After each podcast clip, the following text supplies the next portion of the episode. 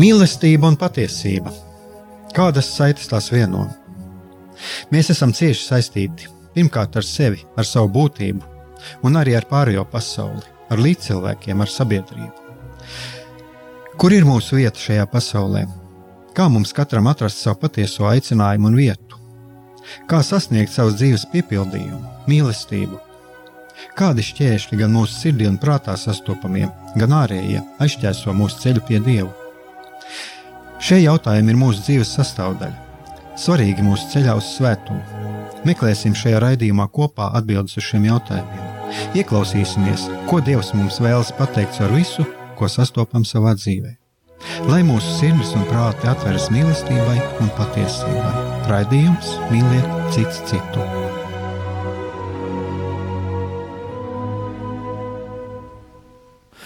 Lai top slavēts Jēzus Kristus, esiet sveicināti, darbie radioklausītāji. Šis ir rādījums Mīliet citu citu, un studijā esmu atkal Lēsēgars Brikmanis. Un es turpināšu dalīties savās pārdomās par šo laiku, e, ko es esmu piedzīvojis, ko es esmu dzirdējis no citiem, par viņu garīgo pieredzi, par viņu izjūtām, par, eh, par arī, arī, arī par, par, viņa, par viņa atziņām, un arī par tām atziņām, pie kurām esmu nonācis es pats. Un eh, pagājušajā reizē eh, es noslēdzu šo raidījumu ar pārdomām par, par vainas apziņu, par vainu, un kā, manuprāt, mēs varam pietuviet, pietuvoties Dievam, un, un kas eh, kādā mūsu stāvoklī, kādā mūsu atziņā par, par sevi mēs arī varam eh, atzīt, ka esam grēcinieki. Un, kad, eh, un savā ziņā, jā, es domāju, ka šeit ir arī mēs varam mm, tādā veidā atzinoti, apzināties, ka esam grēcinieki, apzinoties, ka Dievs ir mūsu uh, mīlošais tēvs un ka viņš mūs mīl neatkarīgi no tā, no mūsu pieredzes, no tā, kā, kā mums ir dzīve gājis un, un ko mēs esam sagrēkojuši, ka ja mēs apzināmies šo bezgalīgo mīlestību, tad es domāju, ka šeit arī var runāt, ka tādā gadījumā arī cilvēks var pilnvērtīgi aiziet pie greksūdzes. Jo viņš iet pie, tiešām pie Dieva, kurš, kurš viņu mīl, un uh, kurš uh, ir, uh, es pateiktu tā, mīlestībā gatavs būt viņam blakus visās viņa dzīves situācijās. Bet šodienas tēma man saistās vairāk to, ko es izvēlējos, par ko runāt šodien. Es jau pamatā es jau gribēju par to runāt jau un sākt runāt pagājušajā raidījumā, uh, Bet šķiet, ka pagājušā reize un pagājušā nedēļa man pat deva tādu impulsu vairāk, jo tad, kad noslēdzās pagājušajā nedēļā raidījums, pirmais, ko es uzzināju, tas ir, ka ir mūžībā aizgājis priesteris Gatis Mārtiņš Bezdelīga. Un kādas, protams, mums katram var būt dažādas izjūtas, bet man Pirmais, protams, eh, es vairāk vai mazāk arī es nebiju sevišķi daudz ar tieši šo priesteri saticies, bet es biju ar viņu ticies, un eh, mēs eh, kādreiz iznācis ir fei, caur Facebook kontaktēties, un, bet kaut kādā ziņā tas sasaucās arī ar šīs dienas tēmu. Tas ir viedokļu sadursme. Dažādu viedokļu sadursme. Un tātad viena no domām, kas man bija, tad, kad es uzzināju par to, ka mūžībā ir aizgājis priesteris Gatis Mārtiņš bezdalīga, eh, tā doma bija par to, ka joprojām eh, mēs varam pārliecināties, ka patiesībā šī Covid situācija tiešām ir nopietna. Un, uh, es esmu viens no tiem cilvēkiem, kurš arī saskāries ar, ar uh, šiem strīdiem, kas saistīti ar Covid. Un, uh, tā tad, lūk, uh, par ko es gribu tieši runāt, tas ir par to, ka šajā laikā mēs saskaramies ar viedokļu sadursmi. Un patiesībā tas nav ne tikai šis laiks, šī viedokļa sadursme, ja mēs patiesībā viedokļu sadursme un dažādi viedokļi ir bijuši un konflikti ir, kamēr viens cilvēks ir pastāvējusi. Bet tikai šis Covid laiks ir tas, kurš īpaši pacēla šīs pretrunas, kas ir mūsu sabiedrībā. Un to pat, ka mēs varam būt tik dažādi Un uh, manis paša personīgā pieredze ir tāda, ka arī es esmu piedzīvojis uh, pārsteigumus, un es, es atzīšos arī nepatīkams pārsteigums, jo, piemēram, cilvēki, kas, uh, no kuriem es esmu sajūtis pat atbalstu, jo es esmu arī viens no tiem, kurš aicina tomēr neticēt visam, ko stāsta, pārbaudīt informāciju, nepaļauties arī tikai uz autoritātēm. Un, uh, Es esmu viens no tiem cilvēkiem, kurš arī, es uzskatu, arī cenšos savu iespēju robežās, un arī šeit ir bijuši raidījumi, uh, apkarot dažādas melu teorijas, dažādas viltus ziņas.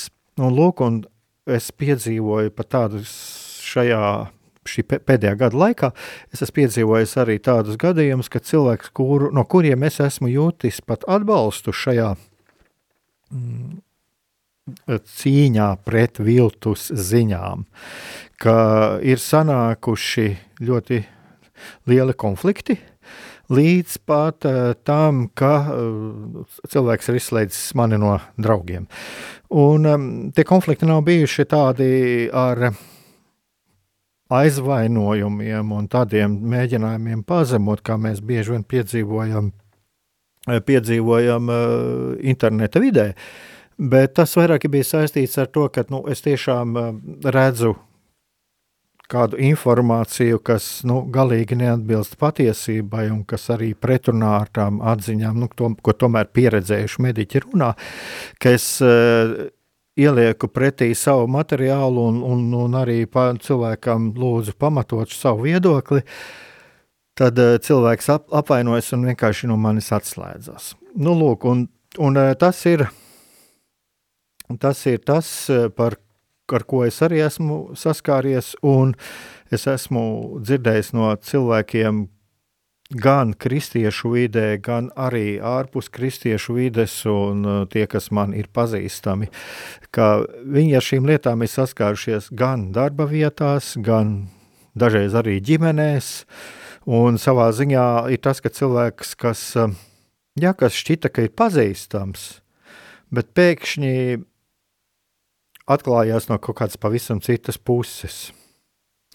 Un uh, pēkšņi mēs atklājām kaut ko, uzzinām pilnīgi kaut ko jaunu arī par šo, par šī cilvēka pasaules redzējumu, par, par, par uztveri, par to, kā viņš uztver pasauli.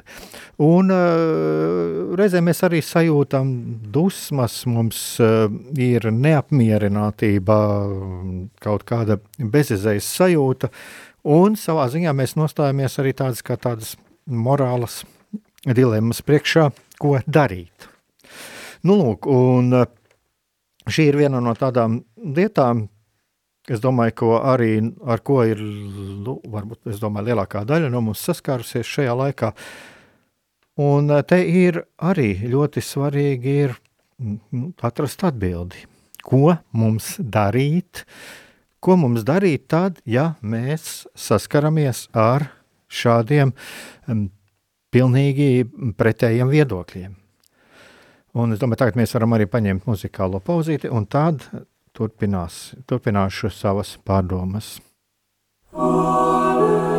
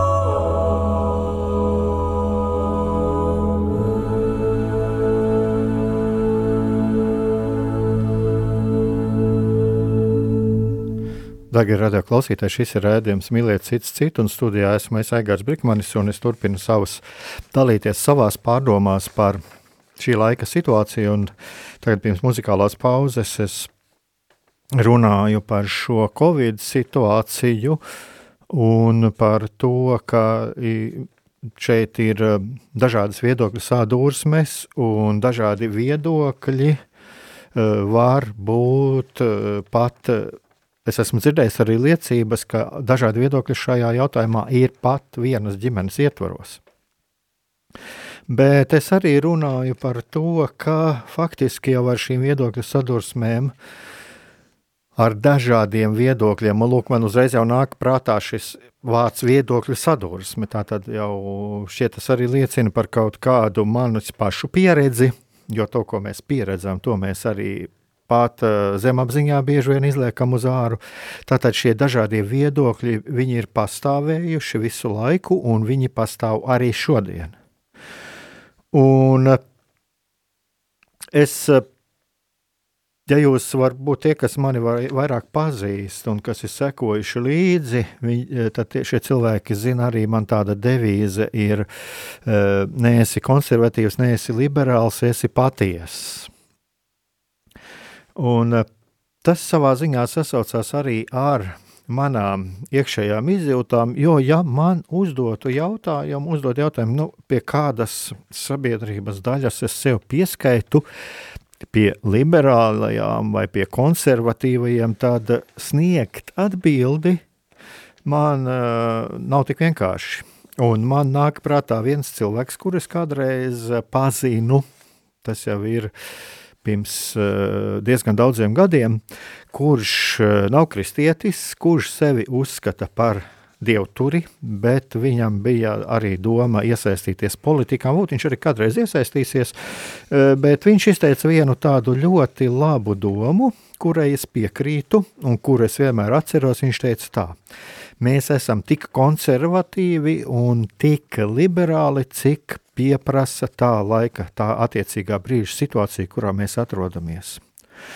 Un es domāju, ka šeit, ja mēs paskatāmies um, uz Jēzus darbību, es arī tur saskatu uh, kaut ko ļoti līdzīgu. Jo Jēzus nekādā gadījumā neatcēla bauslību, viņš arī par to runāja. Un, uh, tātad Jēzus savā ziņā bija konservatīvs. Bet, eh, ja mēs skatāmies uz tām paražām un uz viņa rīcību, kā viņš rīkojās, piemēram, sabatā, eh, tad eh, vai mēs tur tomēr nesaskatām arī dažās lietās kaut ko, to, ko mūsdienās varētu saukt par liberālu, no ka ļoti daudz baidās. Un pamatā šīs bailes ir gan no konservatīvā daļā, sabiedrība, daļā sabiedrības, un, daļ, un daļā sabiedrības ir bailes no šī liberālā. Bet uh, es domāju, ka šeit mums ir jāmēģina saprast, pirmkārt, nu, kas tad ir īsti liberāls un kas konservatīvs. Un būtu ļoti labi, ja būtu arī kādreiz ir, ir dažādi politikas speciālisti, kas arī par šīm lietām runā. Es vairāk runāju no tādas, no, tiešām no tāda sava redzējuma, bet tikai ko es vienu vēlētos pateikt. Ka faktiski konservatīvs un liberāls pats pēc būtības ir morāli neitrālas lietas. Jo tas, kā cilvēki attiecīgā situācijā rīkojās, kā, kā viņi uztver lietas, es šeit runāju tiešām par cilvēku, kurš grib sekot savai sirdsapziņai, un šai dabīgajai sirdsapziņai, ko Dievs viņai ir ielicis, ka cilvēks pēc būtības grib labu, viņš arī rīkojās un pauž savu viedokli atbilstoši tam, kā, kā viņš šo lietu redz. Tātad cilvēks pēc būtības viņš vēlās labu. Un kaut kādā situācijā, ja jau es atceros, ko es teicu arī atgā, par šo, kad mēs esam konservatīvs un liber, liberāli, tik cik tā attiecīgā brīža situācija pieprasa, lūk, tad šeit es domāju, ka šeit ir manuprāt, arī ir vērts paskatīties uz šiem jēdzieniem, konservatīvs un liberāls, kā uz kaut ko morāli neitrālu. Un es vēlētos arī pievērt, pievērties, varbūt arī kāpēc, kāpēc uh, ir šādas viedokļu sadursmes. Jo šeit mēs runājam tiešām par problēmu pastāvēt blakus, bet cilvēkiem nav Eh, nav tik daudz vēlēšanās iziet uz dialogu, kā, kā vairāk uh, savstarpēji vienam otru apkarot. Un viena no lietām, ar ko es esmu pats personīgi saskāries, es sekoju līdzi gan nosacīti konservatīvo viedokļu paudējiem, gan liberāļiem. Uh, tāda viena no lietām, kas uzreiz lien ārā tā uh, latviešu izsakoties, lien ārā kā īlens no maisa, un viņš izlien ļoti bieži ārā. Tas ir tas, ka gan vienā, gan otrā pusē nav īsti līdz galam izpratnes par otru pusi. Un es esmu redzējis gan tā sauktajā konservatīvā, no konservatīvās puses dažādus biedēkļu stāstus par liberāļiem, un liberāļiem pie, tiek pielikta kāda apdraudējuma, apdraudējuma mm, maska, uh, apdraudējuma zīme. Un, uh, bet tā pašā laikā arī no liberāļu puses es esmu arī no tā noteikti nosacītajiem liberāļiem, es esmu dzirdējis tādu pašus viedokļus arī par konservatīvajiem. Un pamatā tas balstās, balstās tajā, ka cilvēki tiešām īsti nesaprot, uh, nesaprot, piemēram, kas ir kristieši. Uh, šajā pašā abortu jautājumā bieži vien tiek pārprasts līdz galam, nesaprotot, kāpēc baznīca, piemēram, tas ir viens no tādiem, kas ir ļoti aktuāls, ja? nesaprotot, kāpēc baznīca ir pret abortiem. Tāpat ir skatījums bieži vien ir nu, līdzīgi kā padomju laika vai kādās citās baznīcas pretinieku uh, grāmatās par, uh, par baznīcu, par sakramentiem, par dažādām lietām. Lūk, vienkārši šī izpratne cilvēks runā to, ko viņš ir kaut kur dzirdējis, bet viņš nav ieskatījies pašas baznīcas avotos. Vai arī vispār kādā avotā nu, no, no, uz to pusi, kas mēģinājis iepazīt šo konservatīvo pusi. Tad pašā laikā arī no tās augtās konservatīvās puses ir tieši tas pats. Un, eh, un, un arī ir eh, viedokļi, dažādi viedokļi, kuri, kuri nav pārbaudīti. Un, un lūk, šeit tad radās šis jautājums, un es domāju, ka šeit arī mēs daļēji varam atrast atbildi, kāpēc, kāpēc ir tāda, izveidojusies tāda situācija, ka šķietami pasaule ir sadalīta divās daļās. Mūsu pasaule, tas ir mūsu, jā, arī pasaulē ir, rietumu pasaulē ir šādi dažādi skatījumi, bet nu, šo mēs arī ļoti īpaši, īpaši mēs to varam ieraudzīt Latvijā. Jā, mums ir arī sazvanījis kāds. Jā, tagad mums ir klausītājs zvans arī. Halo! Lai tev slavēts Jēzus Kristus. Mūžīgi mūžos slavēts. Klausos jūsu pārraidi, un man tāds tīri jautājums, kas, eh, respektīvi, kas tikko notika burtiski, nu, pārdomas divu stundu apakaļ. To visu šodien, visa Latvija, visa televīzijas rādīs, vai ne? Es netīšām ieslēdzu divos dienās, TV24, un parādīja, kā zārku staigā pa to, kur grib celt jauno koncertu zāli. Un tieši klausoties jūs, kā jūs sakat, katram cilvēkam ir sava doma, katrs izpaužās citādāk, un šī brīdī acīm redzams, ka sabiedrība ir divās daļās sadalīta. Un, un ļoti daudz arī ģimenēs apspriedīs savā starpā, draugu lokā, un es jau nerunāju par visu pārējo. Un kad vienkārši ar acīm redzēju un noskatījos, kad ir ļoti sakārtota telpa, laba māja, viss ir kārtībā un viņi ir jānojauc. Ziniet, tāds pārdoms rodās, kad uh, kaut kas nav mūsu, jūs tikko pieminējāt Latviju. Tiešām mums Latvijā kaut kas nav kārtībā. Paldies, ka uzklausījāt. Jā, paldies. Nu, lūk, šeit arī es gan īsti, īsti nezinu, par ko, par ko bija runa. Tas bija par kaut kādu. Par kaut kādu par koncertu zāli. Jā. Bet lūk, šeit mēs arī redzam, ja tā kā ir dažādi dažādi šie viedokļi. Es domāju, ka tagad arī varam paņemt muzikālu pauzīti, un tad es eh, varēs, varam turpināt.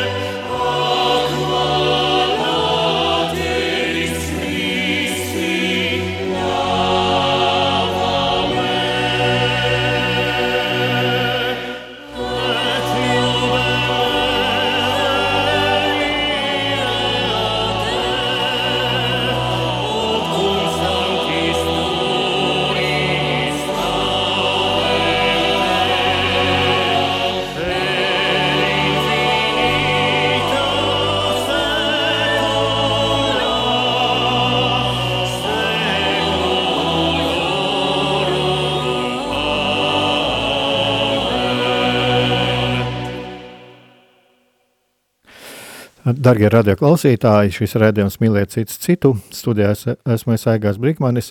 Cik es saprotu, tad runa šeit bija par, par šo koncertu zāli, ko, cenš, ko, ko tur, par ko runāja klausītājs, kas ceļ Elizabetes ielā, kur gatavojās nojaukt to iepriekšējo māju, cirsniecības centru. Lūk, un šeit, eh, jā, šeit arī parādās, ka arī šādās eh, lietās ir eh, dažādi viedokļi un, un ir viedokļa sadursmes. Es vēlētos atgriezties atkal pie, pie šī jēdziena konservatīvs, liberāls. Tātad, kā jau minēju, patiesībā būtu labi, ja mēs paskatītos morāli neitrāli uz šiem jēdzieniem.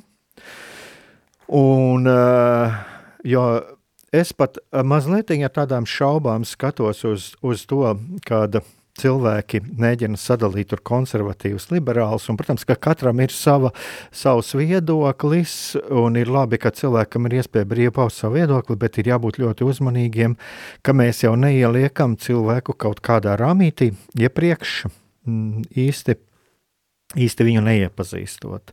Eh, un kaut kādā ziņā, manuprāt, arī šis sadalījums ir eh, ļoti riskants, jo eh, jā, mēs jau, mums jau ir kaut kāds viedoklis jau par šo, bet izskatās, ka mums atkal ir zvans. Labdien, slavēts Jēzus Kristus. Mūžīgi mūžos. Nu, nevajag jaukt ārā to ēku, viņa nav neko vainīga ēka. Mm. Tur kā lai izmantot, lai Dievs pasaka, šausmas, šausmas, šausmas, atkal taisīsim revolūciju, tauta atjēdzies, tauta, latviešu tauta atjēdzies, nevajadzēja kolhozus iznīcināt, vajadzēja gudrāk toreiz rīkoties, arī nebija vainīgi. No lauksainiecībā toreiz bija ļoti augsts sasniegumi, es ļoti atceros pēdējos 80. gadu beigās ļoti augsts. Jā, pa, pa, paldies par viedokli, ja, bet, eh, bet šeit jau mēs arī neko, mēs nevaram, mēs varam tikai radio, varbūt mēs varam uzrunāt kādus cilvēkus, jā, un tā, bet eh, jā, nu, šeit ir runa arī par šīm pilsoniskajām aktivitātēm, jā, kur mums jāapzinās arī, ka mums ir tiesības uz savu viedokli. Bet eh, jā, es vēlētos, vēlētos tā turpināt. Tā tad jāsaprot to, ka arī kristieši, piemēram, kristieši, arī kristiešu vidē ir dažādi cilvēki, viņi arī balso par dažādām partijām, un, un arī starp kristiešiem, gan nekristiešiem ir, lūk, ir cilvēki, kas vairāk skatās kas vairāk uh, varētu pēc šī klasiskā skatījuma būt liberāli vai vairāk, uh, vairāk konservatīvi. Uh, Eh, protams, eh, šeit ir atkal jābūt ir ļoti uzmanīgiem tādā ziņā, ka šeit varētu varbūt vairāk veselu raidījumu veltīt, un man tiešām kādreiz gribētos uzaicināt arī kādu po, tiešām politoloģijas speciālistu, e, saprast arī to, ka gan viena, gan otra puse, ja cilvēks sludina sevišķi, viņš ir politikā, nu, ja viņi sludina kaut kādas kaut kādas uh, liberālas vai, vai konservatīvas vērtības, ir ar, uh, idejas ir ļoti vērtīgi arī apskatīties, kāpēc viņi to dara, jo gan viena, gan otra puse var to darīt vienkārši tāpēc, lai sev piesvairotu kādu politisko kapitālu un uh, lai iegūtu ietekmi, un tur var būt mēķi dažādi. Bet šeit es atkal negribu, negribu lai cilvēki ieiet otrā galējībā un, un sākt aizdomām skatīties uz visiem. Uh, lūk, tā, tā tad.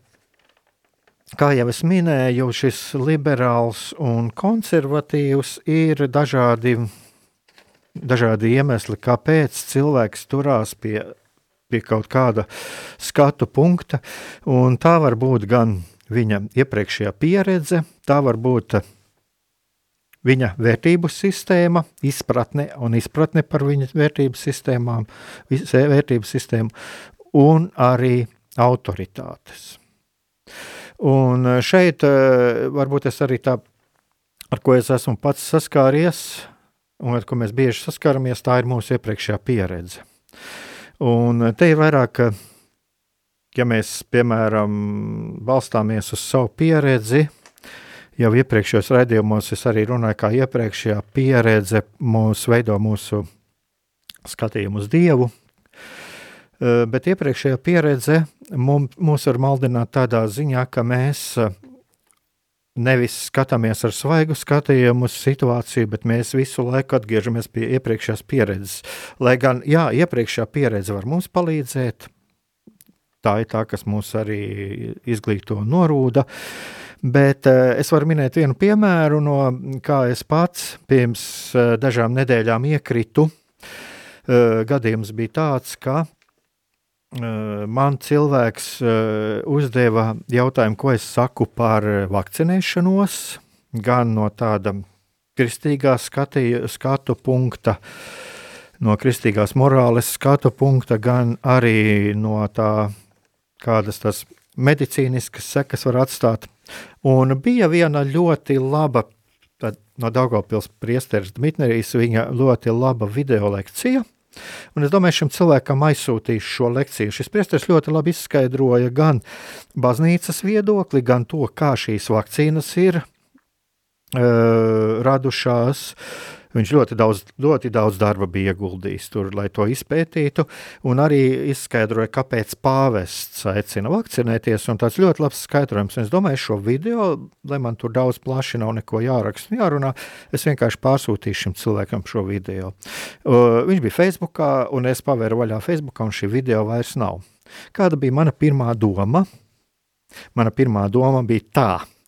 Lūk, Tā tad nogrieza šim, bet es neesmu no tiem, kas saka, ka Facebook tas būtu cita lieta. Jā. Es neesmu no tiem, kas saka, ka Facebook tur ir kaut kādi cenzori, bet man sajūta bija tāda, ka kaut, kaut kādi tātad nogriezuši no baznīcas, likuši, likuši šo, šo lietu dzēst, jo lūk, tur viņš arī izteica savu viedokli, kur baznīcas autoritātes uh, bija izteikušas, un diezgan, diezgan populāras arī kristiešu vidē, eh, kur baznīcas autoritātes bija izteikušas kļūdainu viedokli par vakcīnām. Un viņš šo viedokli bija izgaismojis, jā, un teiksim tā, es domāju, ka te ir tāds uzbrauciens šīm autoritātēm, un lūk, un tāpēc tagad šis ieraksts ir dzēsts. Un es man iekšēji pirmā ir tāda pārliecība, un iekšējā pārliecība, protams, man emocionāla reakcija, nu, lūk, kāda te vārda brīvība, kāda te, lūk, priesteris tik skaisti pateica, un es vēl vīlies, ka es tik labu materiālu nosūtītu.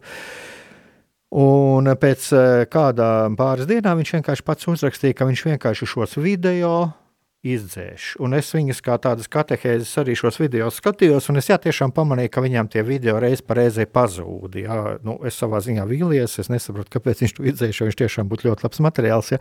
Bet es domāju, ka šeit ļoti labi parādās tas, kā mēs kļūdāmies, jo mums ir kaut kāds priekšstats, un mums ir bijusi pieredze arī par to, kā kāda mūsu zināma cilvēka vai mūsu pašu viedoklis tiek cenzēts, un mēs līdz ar to to pārnesam arī uz kādu citu situāciju, mēs izdarām kļūdainu secinājumu.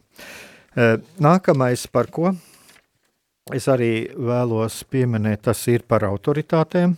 Un šeit uh, arī es domāju, ka mēs baznīcas vidē kādreiz arī mums jāpaskatās, ir, kas ir baznīcas mācība un, un kas ir mm, kādas autoritātes mācību. Un man arī šis priesteris Dmitrijs pateica vienā lietā, viņš saka, nevienmēr es arī pāvestam piekrītu, bet viņš atbalsta kā autoritāti. Uh, un kādreiz viņam arī ir dažādas izjūtas iekšā. Jā. Un es esmu dzirdējis ne tikai par šo pāvestu, arī par citiem ir runājuši. Un viņš arī ļoti labi izskaidroja, kāpēc baznīca nesniedz uzreiz atbildi, ja, ka patiesībā baznīca uz daudziem jautājumiem, ka tur tiešām tiek pieaicināti speciālisti, lai izteiktu, lai, lai tiešām varētu baznīcas viedokli izteikt, tas ir nopietns darbs. Bet, Bet, bet autoritāte, bet runā, jā, un tad ir šis oficiālais baznīcas dokuments, bet, ja runājam par autoritātēm, tad mēs bieži vien, es domāju, arī iekrītam uz to, ka mēs nekritiski paļaujamies uz autoritātēm. Un tagad es gribētu pateikt pats par sevi. Man ir kādreiz nācies kādā, kādā auditorijā runāt, tad es parasti cilvēkiem esmu teicis tā. Ieklausieties to, ko es saku, bet automātiski nenoticiet tikai tāpēc, ka es jums varu pateikt, vai jums šķietu kā kāda autoritāte. Jo pirmkārt, es esmu tikai cilvēks, es varu kļūdīties. Otrkārt, nāks kāda cita lakstīgala, kura dziedās daļāk par mani, Un jums būs vai nu kaut kāds apmulsums, cilvēks teiks, varbūt citu viedokli, un jums būs kaut kāds apmulsums, vai arī jūs pārmetīsieties uz šo viedokli. Un līdz ar to um, jums neformē, neveidosies savs viedoklis. Un, un es domāju, ka šeit arī ir ļoti svarīgi paskatīties uz to. Tātad viens ir mūsu pieredze, ko mēs varam kļūdīties, otrais ir, protams, vērtību sistēma, un ļoti labi, ka mums ir sava vērtību sistēma, ko balstamies, un trešais ir, ir arī uz autoritātēm. Jo arī es pats esmu kādreiz arī teicis šeit, un Un šeit ir arī daudz runāts kaut vai par šo pašu garīgo dzīvi, ka mēs dzīvojam katrs, katrs savu dzīvi.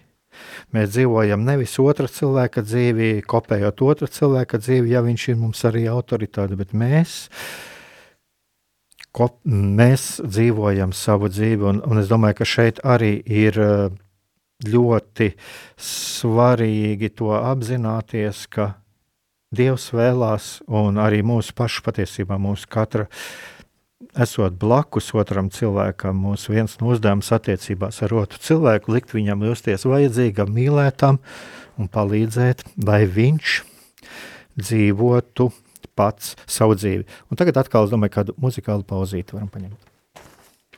Misericordias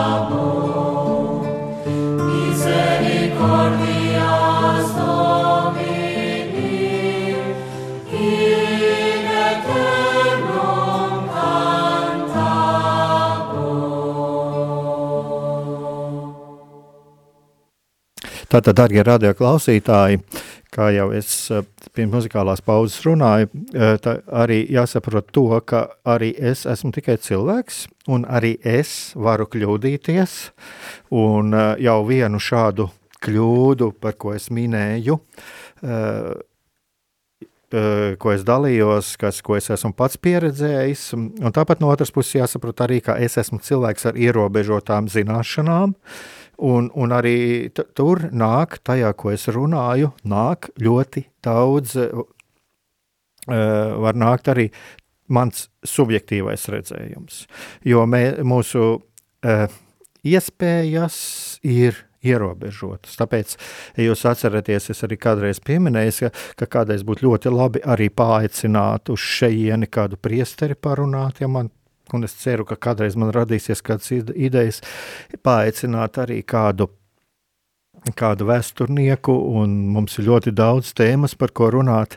Tātad pašos pamatos eh, arī šī manā raidījuma jēga un ko es tagad gribu caur šo raidījumu uh, paveikt, tas ir vairāk ierosināt mums ieklausīties katram pašam sevī, jo patiesībā arī šis raidījums arī man pašam, viņš ir tā, kaut kas tāds, kas man mudina ieklausīties pašam sevī.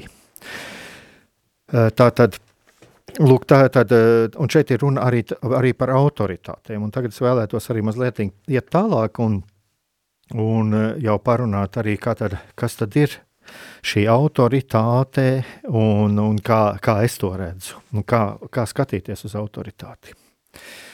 Un uh, vienu lietu, ko es vēlos uzsvērt, ka šeit no svētajiem rakstiem, ka mēs esam aicināti būt gudri. Un uh, visa, visiem svētajiem rakstiem iet cauri arī šī doma, šī doma būt gudriem. Un, un, piemēram, kā mēs redzam arī Mateja evaņģēlijā, esiet uh, gudri kā čūskas un bez viltus kā baloži. Uh, un, un, un es domāju, ka tas attiecās arī uz visām šīm lietām, par ko mēs šeit runājām. Tā tāda gudri kā čūskas un bez, bez viltus kā baloži, ka patiesībā jā, mums būt gudriem, gudriem attiecībā uz to, ko mums piedāvā, un tā pašā laikā bez viltus, un, un es to redzu, ka būt tādiem, kas nevēlas izmantot citus cilvēkus, arī kādreiz varbūt citu cilvēku nezināšanu kaut kādiem saviem sautīgiem nolūkiem. Un, bet kā tad mums attiekties pret autoritāti? Un es domāju, ka šeit ir viena no tādām, kas ir pirmais, kas man nāk prātā, attiecībā uz autoritāti, kad autoritāti nekādā gadījumā nelikt dieva vietā. Un uh, saprast to, ka autoritāte, arī tas cilvēks, kas man ir autoritāte, viņš ir tikai cilvēks, un viņš var kļūdīties. Tā, tā, tā, tā, tā ir viena lieta. Otra lieta ir arī apzināties to, ka arī es varu kļūdīties, jo uh, Jo ar mums katram ir kārdinājums, var parādīties, un arī man tas ir reizi pa reizei, ka kļūt par tādu kā patiesības monopolu. Bet eh, tā tad saprast to, ka autoritāte var kļūdīties, un, un kādreiz arī par lietu, kur mums nav īsti pārliecības, pajautāt viņam, kā viņš nonāca pie šāda viedokļa, piemēram, un pārbaudīt. Un otrs arī pārbaudīt un izskatīt, eh, pa, izvērtēt pazemīgi arī mūsu pašu viedokli par dažiem atsevišķiem jautājumiem. Un eh, vēl kas viena lieta, kas arī, manuprāt, par ko arī varētu runāt, tas ir, šeit es tomēr vēlos tam pieskarties mazliet, tas ir līdzsvars starp prātu un emocijām. Jo, ja kāds jautājums mums izraisa emociju vētru, tad es domāju, ka šeit ir, tā, šeit ir arī pie šīs lietas jāapstājās un uzreiz neizdarīt rīcību, bet paskatīties, kamēr šī emociju vētra norimst. La, tas nozīmē to, lai mūsu emocijas nebūtu tas, kas, ar kuru palīdzību mums var, ar mums var dažādi manipulēt, un lai mēs tiešām būtu brīvi un saimnieki par savām emocijām. Un eh, tā tad, lūk, autoritāte. Tātad mēs apzināmies, ka autoritāte arī ir tikai cilvēks, un es nelieku autoritāti dieva vietā, un arī ļoti svarīgi tas, lai mēs nemēģināt otram cilvēkam būt kā dieva vietā un kā patiesības monopols. Bet, kā jau teicu, cilvēkam ļoti labi būtu, ja cilvēks pats ir ne, ne, nezaudējuši, attīsta spēju kritiski izvērtēt šos e, pasaulē notiekošos procesus, to, kas notiek pasaulē, to, kas notiek pie mums šeit, pat Latvijā, e, arī baznīcā, un mīlestībā pieņemt e, šo autoritāti arī tajā gadījumā, kad mēs redzam, ka viņš kļūdās. Tas ir neidentificēt šajā gadījumā šo autoritāti ar viņa kļūdu. Jo atkal ir patiesībā cilvēks, ja viņš mīlēs, mīl patiesību, un ja viņš tiešām ir patiess pret otru, pret sevi, tad es domāju, ka arī šī autoritāte mm, ir ļoti labi, ja viņš atzīst savu kļūdu. Un viņš kaut kādā situācijā maina savu viedokli. Un tāpēc es, vēl viena no manām tādām devīzēm, ko es no svētajiem rakstiem arī vienu no Jēzus vārdiem, un jūs atzīsiet patiesību, un patiesība darīs jūs brīvus. Un kaut kā šodien vēl par to visu domājot, man pēkšņi arī ienāca prātā dažas tādas atziņas, par kurām jau es esmu kādreiz domājis, un, un, un viens no tā ir tas, jau, ka atzīt patiesību – nenozīmē, ka es zinu, kas ir patiesi. Uh, atzīt patiesību, tas nozīmē to iemīlēt. Un, um, lai to iemīlētu, lai šo patiesību iemīlētu, es domāju, ka šeit ir ļoti svarīgi, ka mēs esam arī gatavi atteikties no kaut kādiem saviem kļūdainiem piemēriem, pieņēmumiem, no sava kļūdaina uzskata, ja pēkšņi izrādās, ka tie nav patiesi. Un eh, to pat varētu salīdzināt ar cilvēku. Ja es mīlu cilvēku, tad es viņu pieņemu arī tad, ja viņš kļūdās. Ja es mīlu cilvēku, tad es uh, cenšos arī būt viņam blakus un, un darīt viņam labu, darīt tā, lai patiesībā lē, lai mēs varētu kopā vainot, vairot, vairot kaut kādu kopīgu labumu. Un šeit es domāju, ka mēs arī varam paskatīties, tad arī, ja mēs atzīstam šo patiesību, tā tad vēl vienu reizi es arī es vēlos tādu uzsvērt, ka patiesību, atzīt patiesību, tas nenozīmē, ka mēs zinām, kas ir patiesi bet mēs atzīstam patiesību, iemīlam patiesību tad, ja mēs vēlamies to izzināt, un ja mēs pazemīgi esam gatavi atteikties no sava nepareizā, sava maldīgā viedokļa, ja tas ir tāds.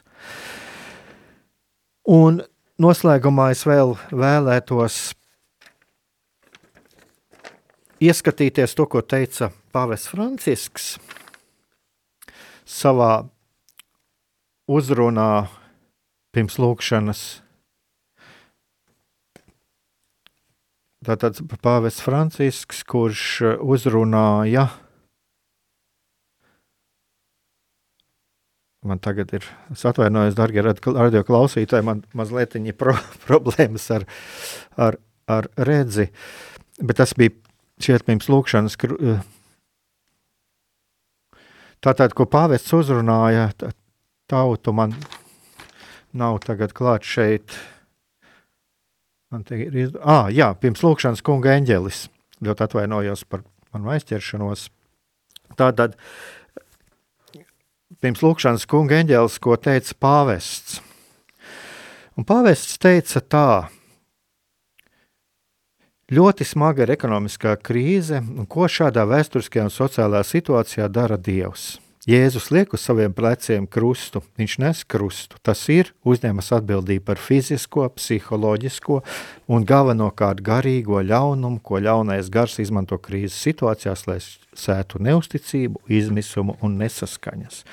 Un es domāju, ka šeit arī es pieskāros šīm lietām par šīm nesaskaņām, jā, un arī šo nezināšanas izmisumu par visu to, un Jēzus nosauca sātanu par melu tēvu. Un tāpēc es domāju, ka arī jūs atzīsiet patiesību. Tas nozīmē atteikties no šī melu tēva un atzīt patiesību, kas ir pats Dievs. Un kas attiecās uz uz to, ko arī teica pāvests. Ja pāvests runā par to, ka lūk, ir šīs neusticības, izmisums un nesaskaņas, ko viņš runā? Viņš runā, viņš aicina mums sekot Marijai, kura gāja arī savu, savu krusta ceļu paturot sirdī ticības, gais, ticības gaismu. Un es domāju, ka šeit mēs varam nolikt Jēzus krusta priekšā arī visas savas šaubas, visas savas bailes, arī savu neusticību. Jo arī Jēzus, ja mēs paskatāmies uz Jēzus krusta ceļu, uz Jēzus dzīvi, arī Jēzus bija nesaprasts un noraidīts, un Jēzus ita krustā tie, tieši tie, kas viņu nevēlējās viņā ieklausīties. Un es domāju, ka šeit mēs varam tātad nolikt Jēzus krusta priekšā šīs savas šaubas, arī bailes, nedrošību, to, ka jūtamies nesaprasti un noraidīti, nolikt Jēzus krusta priekšā. Jo Jēzus mūs vislabāk saprot šajās situācijās.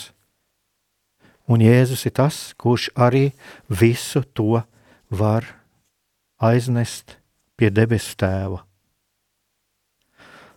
Darbie radio klausītāji, šoreiz arī būs jābeidz šis raidījums, un ceru tiešām atvainojos par to, jo man ir problēmas ar manām brillēm, te saskatīt tekstus kādreiz, un tagad vēl ar masku sejas. Bet es ceru, darbie radio klausītāji, ka varbūt, varbūt kaut kas arī jūsu sirdīs ir aizķēries pie tā, ko ko, ar ko es dalījos. Un tiešām, lai mums izdodas iemīlēt patiesību, lai mums izdodas mīlestībā paskatīties uz visiem cilvēkiem, gan uz tiem, kam ir viedoklis tāds, kā ir mūsējais, gan uz tiem, kam ir pretējs viedoklis. Un es ceru, kādreiz varbūt arī uzaicināt kādu parunāt arī par to, kā, kā veidot šo dialogu ar dažādu viedokļu pārstāvjiem. Tiešām, lai mums izdodas iemīlēt patiesību, iemīlēt līdzcilvēkus un piedzīvot arī pēc mūsu šī krusta ceļa, piedzīvot patieso augšām celšanos. Lai mums visiem svētīgs šis laiks.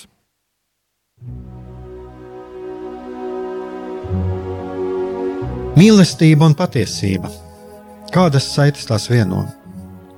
Mēs esam cieši saistīti pirmkārt ar sevi, ar savu būtību, un arī ar pārējo pasauli, ar līdzcilvēkiem, ar sabiedrību. Kur ir mūsu vieta šajā pasaulē?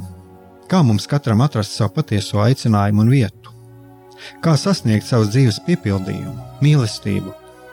Kādi šķēršļi gan mūsu sirdī un prātā sastopamie, gan ārējie aizķēso mūsu ceļu pie Dieva? Šie jautājumi ir mūsu dzīves sastāvdaļa svarīgi mūsu ceļā uz svētumu. Meklēsim šajā raidījumā kopā atbildes uz šiem jautājumiem. Ieklausīsimies, ko Dievs mums vēlas pateikt ar visu, ko sastopam savā dzīvē. Lai mūsu sirds un prāti atveras mīlestībai un patiesībai, raidījums mīliet citu citu.